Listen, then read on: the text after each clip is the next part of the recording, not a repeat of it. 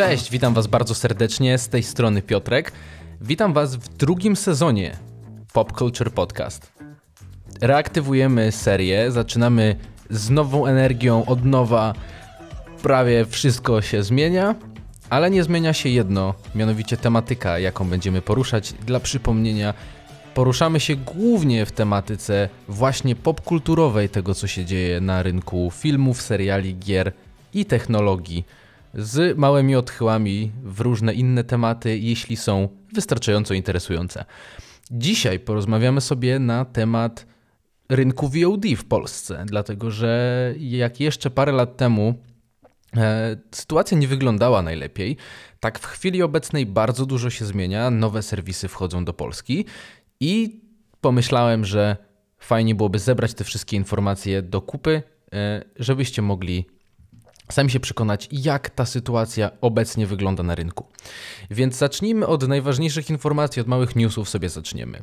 E, dlatego, że w przeciągu ostatniego czasu zostało ogłoszone kilka dość istotnych rzeczy e, z punktu widzenia polskiego odbiorcy. Mianowicie to, że już 8 marca zadebiutuje w Polsce serwis HBO Max, usługa HBO Max, e, a również w troszkę później w tym roku, gdyż y, ma to być okres wakacyjny, prawdopodobnie gdzieś w okolicy, w, w okolicy lipca, zadebiutuje w Polsce usługa Disney Plus. O Disney Plus y, rozmawialiśmy prawie dwa lata temu o tym, jak miało wejść do Polski, natomiast nie weszło z różnych, z różnych powodów, bo były plotki o tym, że Disney Plus ma wejść do Polski, finalnie nie weszło. Zostało to bardzo mocno przesunięte z racji na pandemię. Przynajmniej tak mówią. E, natomiast teraz mamy potwierdzone, że tutaj do mm, obszarów właśnie Europy, e, między innymi właśnie do Polski, Disney Plus zawita. Więc zacznijmy od tego, czym w ogóle jest HBO Max. Tak jak mówiłem, zadebiutuje w Polsce 8 marca i zastąpi usługę HBO Go. Dla wielu użytkowników tak naprawdę jest to świetna informacja ze względu na kilka rzeczy, które nie do końca dobrze działają, jeśli chodzi o usługę HBO Go.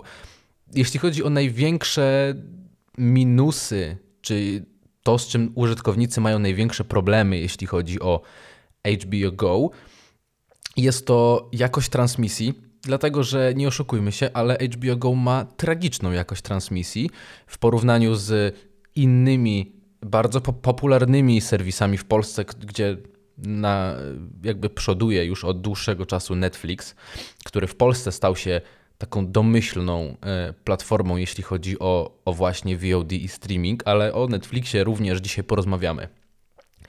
Więc jakość transmisji jest to jeden z głównych jakby tych, tych aspektów, na które użytkownicy narzekają, jeśli chodzi o HBO Go.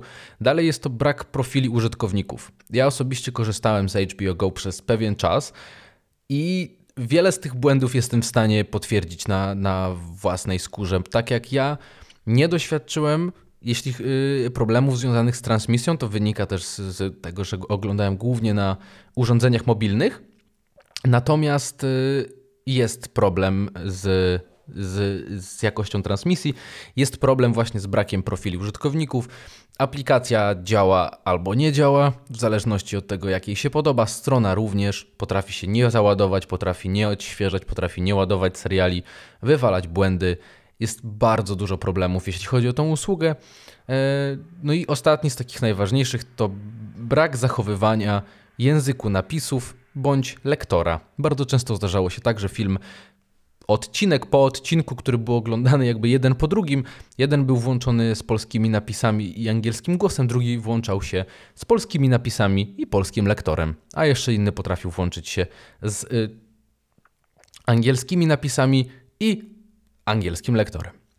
Także tak jak wszyscy mówią, niestety, ale usługa HBO Go w Polsce nie ma dobrego życia. Ona w ogóle nie ma dobrego życia z racji na to właśnie, że po prostu jest niedopracowana i po prostu ma dużo błędów, które na pierwszy rzut oka można by stwierdzić, że, że to są błędy wieku dziecięcego, gdzie usługa dopiero wchodzi na jakiś rynek, czy w ogóle dopiero wchodzi i w tym momencie są jakieś problemy z racji tego, że po prostu nie wszystko. Um, zespół, który przygotowywał to, nie wszystko przewidział, nie wszystko zdążył zrobić, no ale usługa HBO Go jest dostępna w Polsce od wielu, wielu lat. Na początku była dostępna tylko i wyłącznie z telewizją, później przeszła na, y, wraz z wejściem Netflixa w, do Polski.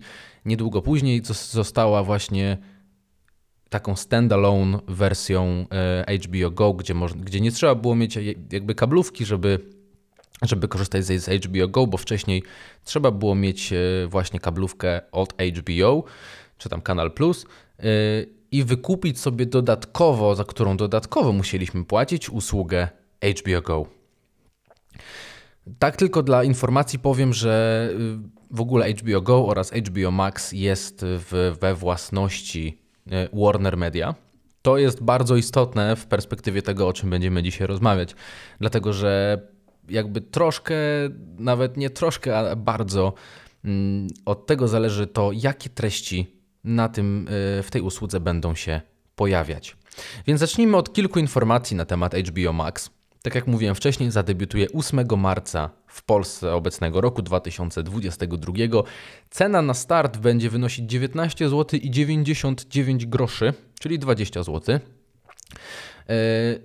no, normalna cena to 29 zł 99 groszy, czyli 30 zł.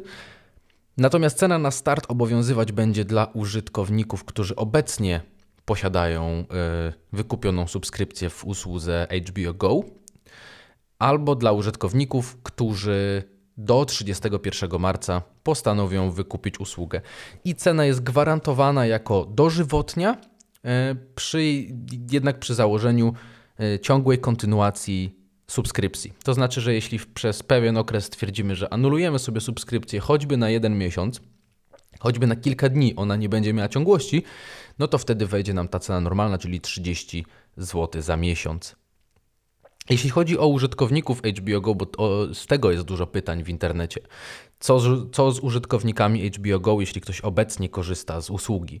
Ich konta automatycznie zostaną przeniesione, mm, jakby przemianowane na HBO Max. Aplikacja HBO Go przestanie działać na wszystkich platformach, natomiast trzeba będzie ściągnąć nową aplikację, jaką właśnie będzie HBO Max, natomiast dane do logowania pozostają te same dla użytkowników, którzy wcześniej korzystali z HBO Go.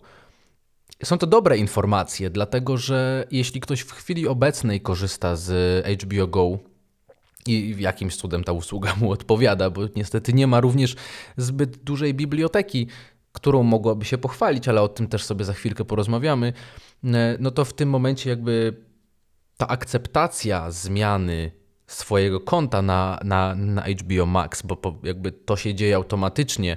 Natomiast też jest ograniczenie, że jeśli nie zostanie to wykonane do 31 właśnie marca, no to wtedy cena jakby ulega zmianie do 30 zł.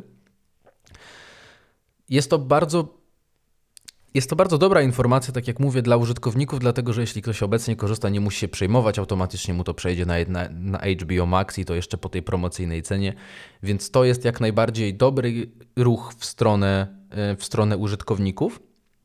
Mm, tak samo to, że dla nowych użytkowników ta cena na start e, będzie wynosiła jedynie 20 zł. Przypomnę, że Netflix w zależności od pakietu, z jakiego korzystamy, może kosztować do 55 zł, jeśli nic nie podrożało, a nie wydaje mi się.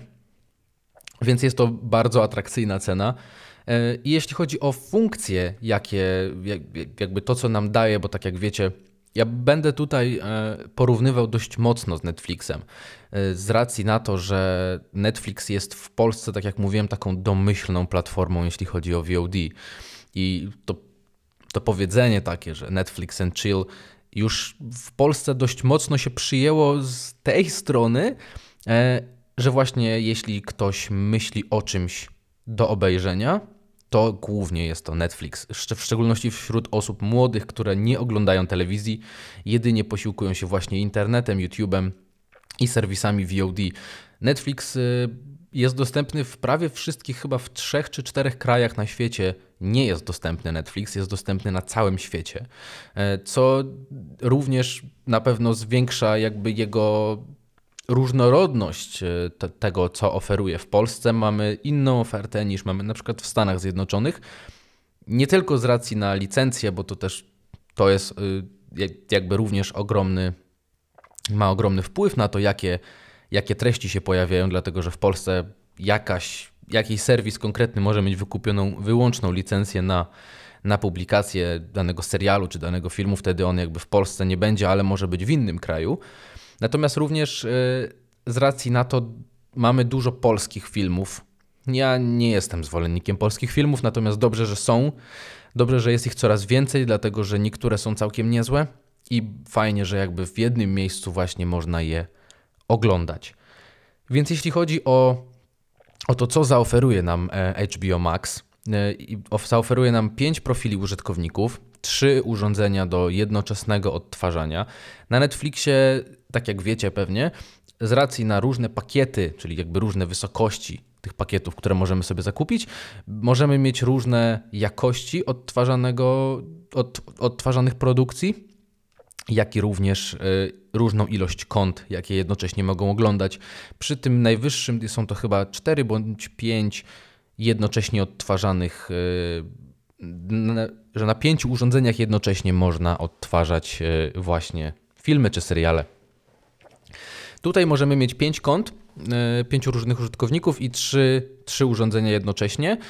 Wydaje się to niewiele, w szczególności kiedy jednak dość popularne jest dzielenie kont. E, nie mówię tutaj o sprzedawaniu dostępu do kont na przykład na Allegro, natomiast mówię o tym, że ktoś między swoimi znajomymi bądź rodziną e, udostępnia konto, gdzie wszyscy się zrzucają, jak to na przykład wygląda na Spotify'u, czy na Netflixie. Netflix ostatnio dość mocno zmienił swoją politykę odnośnie tego, bo kiedyś e, CEO Netflixa mówił, że jasne, dzielcie się kontami, wszystko jest spoko, dopóki płacicie za to, jakby doświadczajcie tego wszystkiego, co mamy dla Was e, w jak największej ilości osób.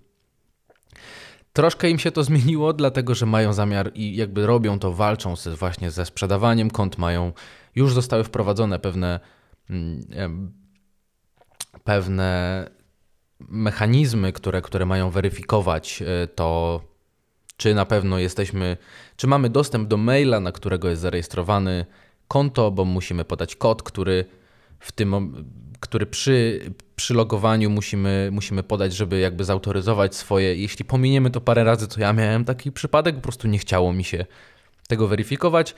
E, jakby konto jest blokowane do momentu, kiedy nie podamy tego, e, tego kodu, czyli musimy się zweryfikować na pewnym poziomie, żeby móc kontynuować korzystać z, z usługi. Dodatkowo y, HBO Max wprowadza jakość do 4K HDR w wybranych produkcjach. Jest to ogromny skok względem tego, co jest w HBO Go, bo tak jak mówiłem, jakość transmisji na y, HBO Go jest straszna. Jest jakby. Wszyscy tutaj mówią między innymi o ostatnim sezonie. Mm, ostatnim sezonie Gry o Tron i chyba, chyba ostatnim odcinku, który był bardzo, bardzo ciemny i na streamingu po prostu wyglądał jak zlepek pikseli. Mieli tak niski bitrate, czy mają tak niski bitrate, że po prostu ciężko cokolwiek tam zobaczyć. Ja gry o Tron nie oglądałem, więc jakby ciężko mi się wypowiedzieć, natomiast widziałem zdjęcia z tego i jakby sami rozumiecie. Dlaczego tak y, wiele osób cieszy się z tego, że po prostu HBO Max ma wprowadzić wyższą jakość y, oferowanych przez siebie produkcji.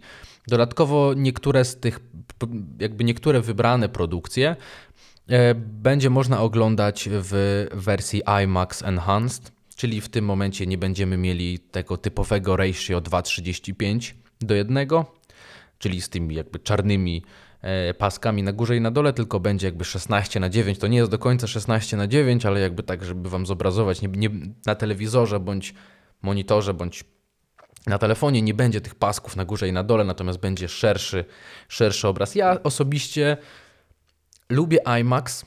IMAX jest fajny, w sensie fajnie doświadcza się filmów w IMAXie, jak się ogląda filmy przygotowane pod IMAX z dźwiękiem IMAXowym na tym ogromnym ekranie. Natomiast szczerze mówiąc, e, moim zdaniem jest to trochę przehypowane w takim sensie, że w zasadzie każda kamera, yy, która, która jakby zwykła kamera, która ma matrycę zazwyczaj Super 35, rejestruje obraz właśnie w mniej więcej w proporcjach 16 na 9 i później jest to ścinane do, 1, do 2,35 do 1. Więc tak naprawdę ten IMAX, ja wiem, że to są inne kamery, to jest jakby inny trochę obraz, ale na tych wszystkich trailerach, które oglądam, jest, że IMAX Enhanced, że widzisz więcej, doświadczasz więcej. W zasadzie tak myślę sobie, że jakby zabrać te paski na górze i na dole i puścić zwykły obraz z Alexy czy z czegoś takiego, czym, czym są kręcone te filmy bądź seriale, to w zasadzie mielibyśmy bardzo podobny obraz do tego IMAXowego i niech jak bardzo to upraszczam. Oczywiście. Natomiast jeśli chodzi o tą największą reklamę IMAXa, czyli że widzisz więcej, jeśli chodzi o oglądanie filmów IMAXowych u siebie w domu, no to w tym momencie no jest to trochę przereklamowane moim zdaniem, ale to jakby każdy ma swoje zdanie. Ja tylko mówię o swoich odczuciach.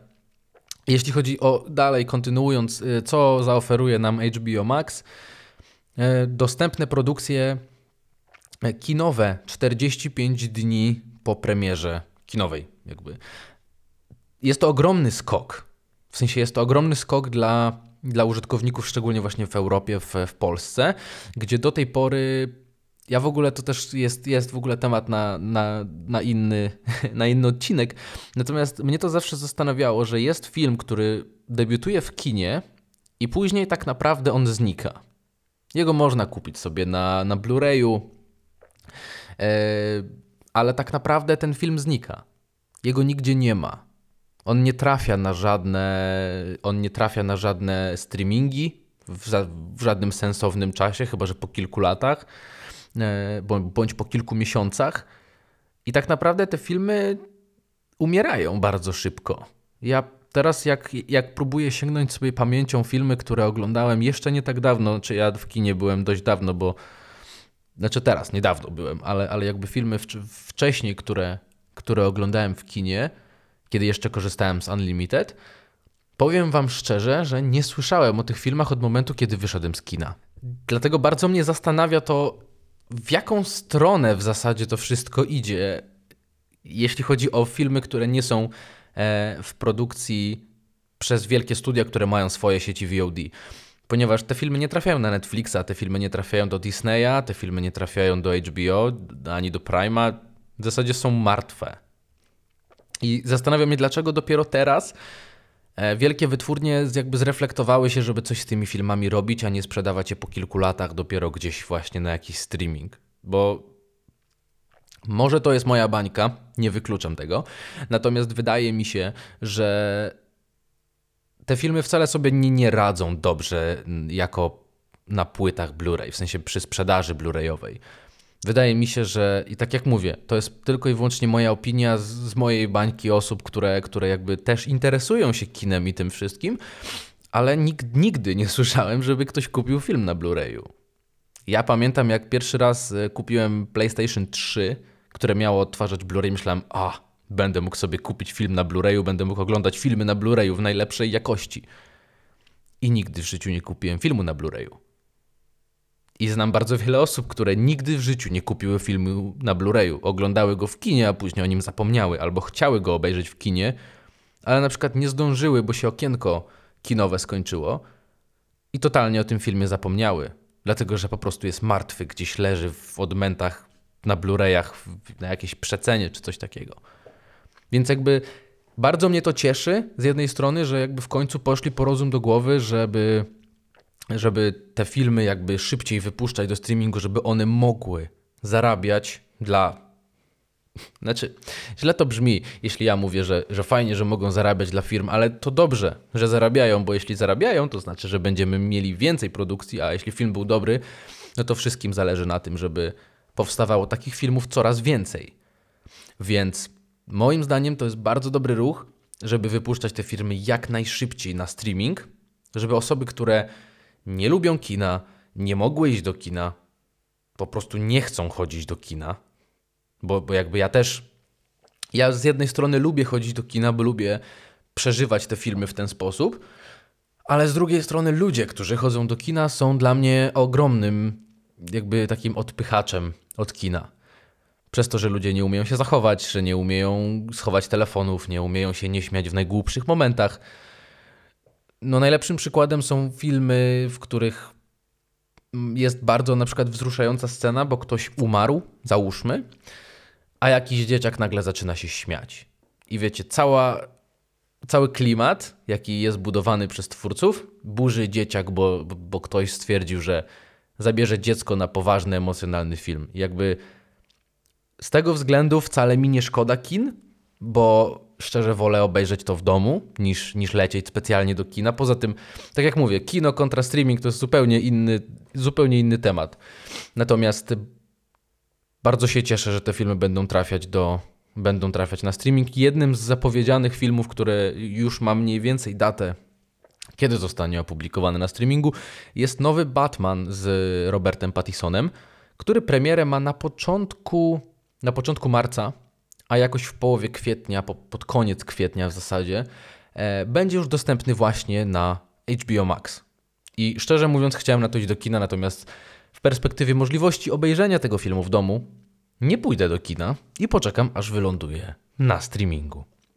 Jeśli chodzi o dalszą część zmian, e, no to mamy nową aplikację, to jest to, o czym mówiłem, i dostępne produkcje, mm, właśnie tak jak mówiłem wcześniej, z racji na to, że HBO Max jest własnością Warner Media, całe uniwersum e, DC, wszystkie filmy właśnie z, z DC i jakby wszystkie produkcje Warnera, czyli na przykład Matrix, e, czy, czy właśnie wspomniane filmy właśnie z DC, trafiają bezpośrednio właśnie na HBO Max.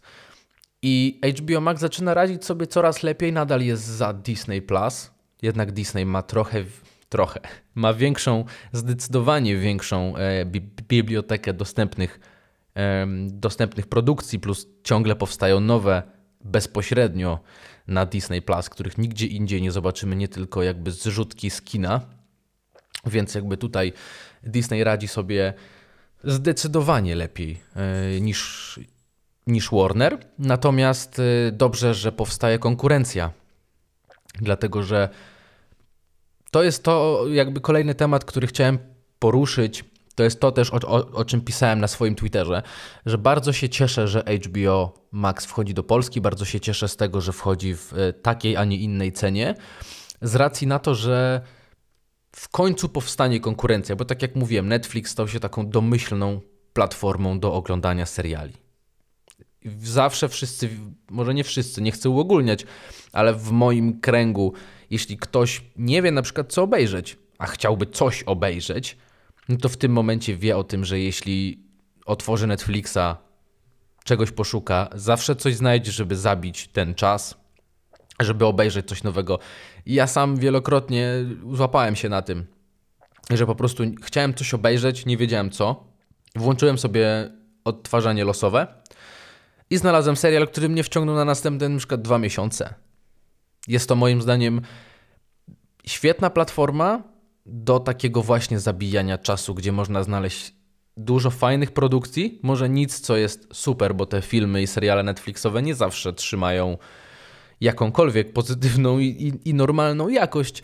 Natomiast y, wydaje mi się, że właśnie na taki zabijacz czasu i domyślną platformę do oglądania czegoś zaznaczam, czegoś. Po, tak po prostu yy, Netflix jakby jest idealnym wyborem, przynajmniej na chwilę obecną. Dlatego bardzo się cieszę, że HBO Max wchodzi do Polski. Bardzo się cieszę, że Prime Video się rozwija, że Disney Plus wchodzi do Polski, dlatego że właśnie będzie większa konkurencja. Netflix nie będzie mógł tak po prostu windować sobie cen, bo zajął cały rynek i nie musi się niczego obawiać. Nie będzie mógł wrzucać sobie byle czego, bo i tak to ktoś obejrzy, no bo przecież co innego mają oglądać, nie ma konkurencji.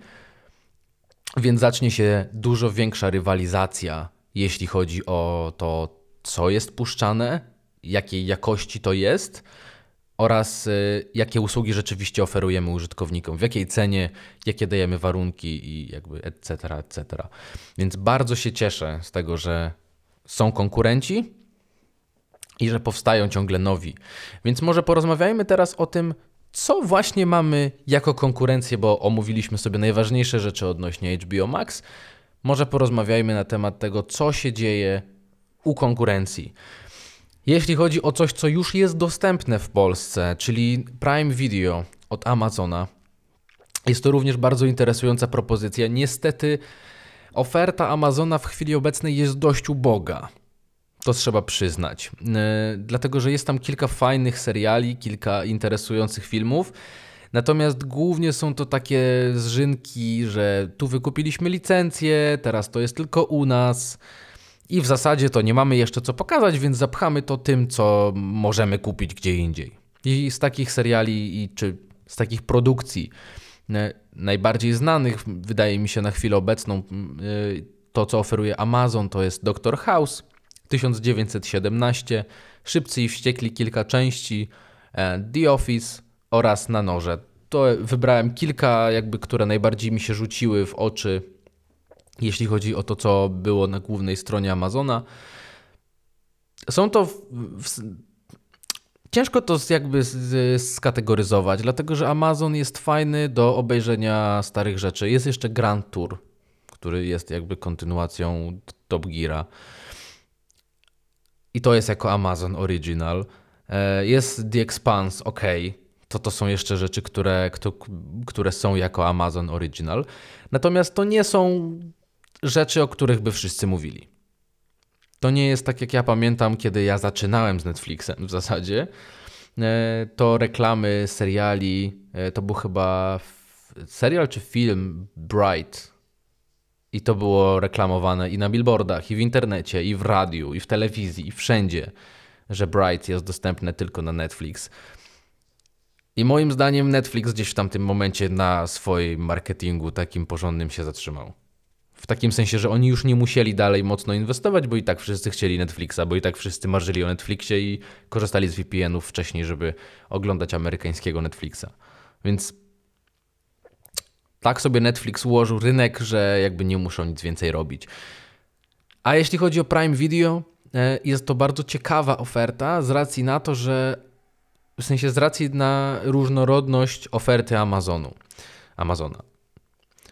Dlatego, że wykupując w chwili obecnej e, abonament Amazon Prime, nie mamy dostępu tylko i wyłącznie do Prime Video, ale mamy dostęp do darmowej dostawy, darmowej ekspresowej dostawy z Amazona, więc jakby to jest jedno. Mamy dostęp do Prime Video, mamy dostęp do Prime Gaming, który również co miesiąc kilka jakichś mniejszych bądź większych tytułów e, dostarcza, jakby w ramach, e, w ramach właśnie subskrypcji. Oraz również e, dla osób, które bardziej siedzą w gamingu, na YouTubie, na Twitchu, mamy subprime na Twitchu, czyli że możemy zasubskrybować jakiś kanał ze swoim kontem Prime, nie płacimy za to nic, a ktoś jakiś kanał, który zechcemy zasubskrybować, dostanie za to trochę mniej niż za normalnego suba, ale nadal dostanie za to pieniądze. Więc Amazon ma bardzo szeroką ofertę poza samym, e, samym Prime Video. Dlatego, że wykupując w chwili obecnej, wykupując właśnie Amazon Prime, mamy dostęp do wielu różnych gałęzi, dzięki czemu jakby ten, ten zakup jest trochę bardziej albo dużo bardziej jakby uzasadniony, żeby go po prostu wykonać. To jest też y, w ogóle polityka Amazona, to to, że jak oni wchodzą na nowy rynek, to oferują zaporowo niską cenę za swoje usługi, żeby przyzwyczaić użytkowników, żeby wybić całą konkurencję i wtedy podnoszą cenę, to jakby to się dzieje na każdym rynku, natomiast na razie trzeba korzystać dopóki jest. Jest za 50 zł za rok, czyli tyle co za, za Netflixa za, za miesiąc. Moim zdaniem warto, bo na Amazonie może nie ma nie wiadomo czego, jeśli chodzi o oglądanie. Natomiast y, jak za tą cenę, to chyba warto. Więc porozmawiamy sobie dalej o tym, co się będzie działo w najbliższych miesiącach, jeśli chodzi o rynek VOD w Polsce. Mianowicie mówię tutaj o Disney Plus, które, tak jak powiedziałem na początku, już na początku tego roku, już, już w połowie tego roku, jakby na początku to by było całkiem fajnie, już w połowie tego roku e, również zadebiutuje w Polsce, jeśli nie złapiemy żadnej obsuwy, chociaż jest to już oficjalnie zapowiedziane bez konkretnej daty, natomiast oficjalnie zapowiedziane, że będzie to właśnie okres wakacyjny tutaj w, w Europie, między innymi właśnie w Polsce. Jeśli chodzi o Disney Plus, nie znamy zbyt wielu szczegółów. Nie znamy ceny, nie znamy dokładnej daty, jak, jakby kiedy ta usługa pojawi się w Polsce. Natomiast wiemy, co w chwili obecnej Disney Plus oferuje i jak bardzo się rozrasta w przeciągu kilku miesięcy. Można obserwować to, jakie są wzrosty, ile nowych produkcji zostało dodanych. Tak samo co roku Disney e, prezentuje taki roadshow, taki, taki roadmap, który, który pokazuje, co się będzie w danych miesiącach działo. Więc czego możemy spodziewać się, jeśli chodzi o Disney Plus? E, głównie są tutaj produkcje Marvela, praktycznie cały Marvel.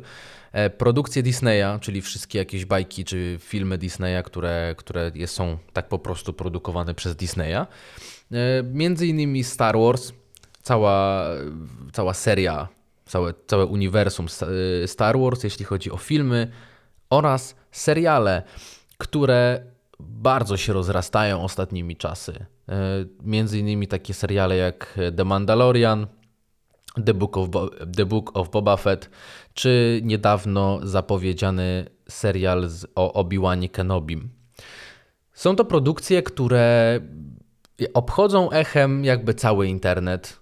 Bo pomimo faktu, że Disney Plus nie ma w Polsce, tak y, jeśli wychodzi nowy serial, bądź tak po prostu wychodzi nowy odcinek jakiegoś serialu, e, w polskich mediach internetowych, właśnie zajmującymi się filmami oraz serialami, możemy przeczytać artykuły odnośnie recenzji danych odcinków, recenzji danych sezonów, recenzji e, tego, co się znajduje aktualnie na Disney Plus, pomimo faktu, że usługi nie ma w Polsce. Ja tak jak mówiłem e, dwa lata temu prawie, nie, ja nie chcę się bawić w żadne VPN-y, bo stwierdzam, że jeśli oni nie chcą moich pieniędzy, no to po prostu ich nie dostaną. Trochę żałuję, dlatego że wiem, że tam są naprawdę dobre seriale. Tam, są naprawdę dobre produkcje, ale jest właśnie światełko w tunelu m, takie, że już w połowie tego roku Disney Plus będzie dostępne w Polsce. Miejmy nadzieję, że nic się nie opóźni i ta data zostanie dotrzymana. Natomiast nowością, jaka jest y, na Disney Plus, jest usługa, która nazywa się Disney Plus Star. Jest to jakby program przeznaczony dla dorosłych, mm, dla dorosłych odbiorców. Dlatego, mm, znaczy, między innymi w Disneyu są za, w Disney Plus są za, jakby narzędzia, które pozwalają przypisać, które konta użytkowników są, mają, mają mieć do tego dostęp co jakby wyraźnie mówi nam o tym, że to nie są treści przeznaczone dla dzieci. E, z racji właśnie na ograniczenie, czyli że możliwość wyłączenia dostępu do tej usługi, jakby do tej kategorii na Disney Plus, na przykład dla dzieci, jeśli korzystamy rodzinnie. Głównie są tam produkcje ABC, 20th Century Studios, Searchlight i są to produkcje tak jak na przykład Prison Break, Szklana Pułapka yy, czy Deadpool więc jakby nie są to rzeczywiście produkcje przeznaczone dla dzieci, są to produkcje przeznaczone dla dorosłego odbiorcy, bardzo często brutalne, wulgarne, podszyte seksem, jakby to co najlepszego w filmach. Więc Disney rozszerza swoją y, Disney rozszerza swoją bibliotekę, ciągle dodając nowe, nowe produkcje, zapowiadając nowe seriale i wszyscy nadal się głowią, jakim cudem im się to opłaca jak, jakim cudem są w stanie robić tyle seriali, tyle filmów, tyle wrzucać tego na Disney Plus, jak przecież nikt nie, y, nikt nie korzysta z Disney Plus, bo jest dostępny w tak niewielu krajach i jakby przecież nikt o tym nie mówi, jakby nikt nie korzysta z Disney Plus.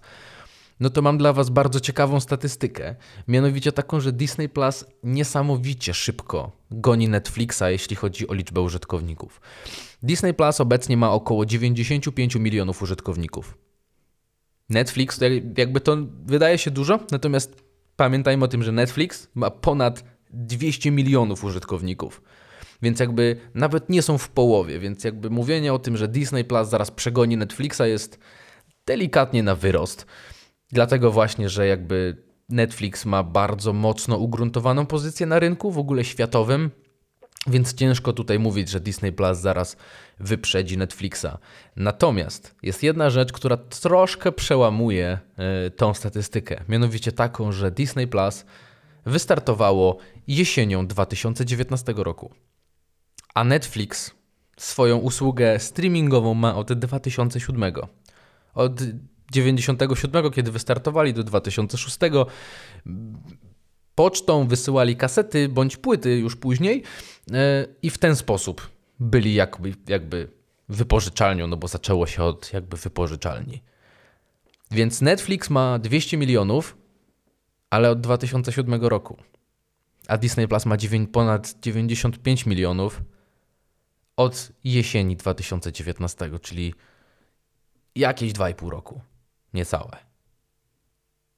Z tej perspektywy ta statystyka wygląda zupełnie inaczej, w sensie zupełnie inaczej ją odbieramy, dlatego że oni uzbierali już prawie 50% użytkowników Netflixa, działając o 12 lat krócej. I ja rozumiem, że na początku y, jakby nie wszyscy byli przekonani, co to w ogóle jest streaming i że to dopiero w ostatnich latach tak naprawdę Netflix tak mocno się wybił. Natomiast y, ta statystyka jest y, bardzo mocna. Właśnie z tej perspektywy, że już niedługo może się okazać, że Netflix wcale nie będzie największą platformą, jeśli chodzi o streaming, jeśli chodzi o liczbę użytkowników. A jeśli by się tak stało, że Netflix straciłby pierwsze miejsce, jeśli chodzi o platformę streamingową, to wydaje mi się, że zrobiłoby im się tam ciepło w zarządzie. Dlatego, że musieliby podjąć bardzo szybkie kroki, żeby odwrócić tą sytuację. Przez co musieliby dużo więcej zainwestować w to, co produkują, w jakość tego, jakby co produkują, oraz potencjalnie zmienić politykę względem użytkowników, obniżyć cenę, e, bądź jakby dodać inne pakiety, inne możliwości, więcej uprawnień, czy cokolwiek. Więc zapowiada nam się bardzo ciekawy rok. Dlatego, że ja jestem, jakby wrócimy do, do tej rozmowy z pewnością mniej więcej za pół roku, e, bo bardzo chciałbym zobaczyć e, prawdopodobnie gdzieś po wrześniu, gdzieś w październiku, dlatego że wtedy mniej więcej będziemy znali e, wyniki Disneya i jakby wyniki Disney Plus za, za trzeci kwartał, za trzeci kwartał 2022. I w tym momencie bardzo chcę zobaczyć, jak, jak to się zmieni, bo Disney Plus nie wchodzi tylko do Polski, wchodzi w wielu krajach Europy, e, bo w chwili obecnej jest dostępna tylko w kilku. To jest też właśnie przytłaczająca informacja, że mają, 90, że mają 95 milionów użytkowników, a są dostępni w tak niewielu krajach. Więc jakby, no zobaczymy. Zobaczymy, jestem bardzo ciekaw, bardzo jestem ciekaw, jak będzie to wyglądało w momencie, kiedy, y, kiedy właśnie Disney zwiększy tą swoją ekspansję, dlatego że oni takimi rzutami na różne kraje E, pierwsza jakby transza była, to, to jest właśnie pierwszy kwartał, potem jest drugi kwartał, trzeci kwartał. My jesteśmy w tym trzecim kwartale na początku wakacji. Mamy być właśnie, to było powiedziane dokładnie, że na początku drugiej połowy 2022 e, roku. Więc jestem bardzo ciekaw, jak sytuacja będzie wyglądała za pół roku, za rok.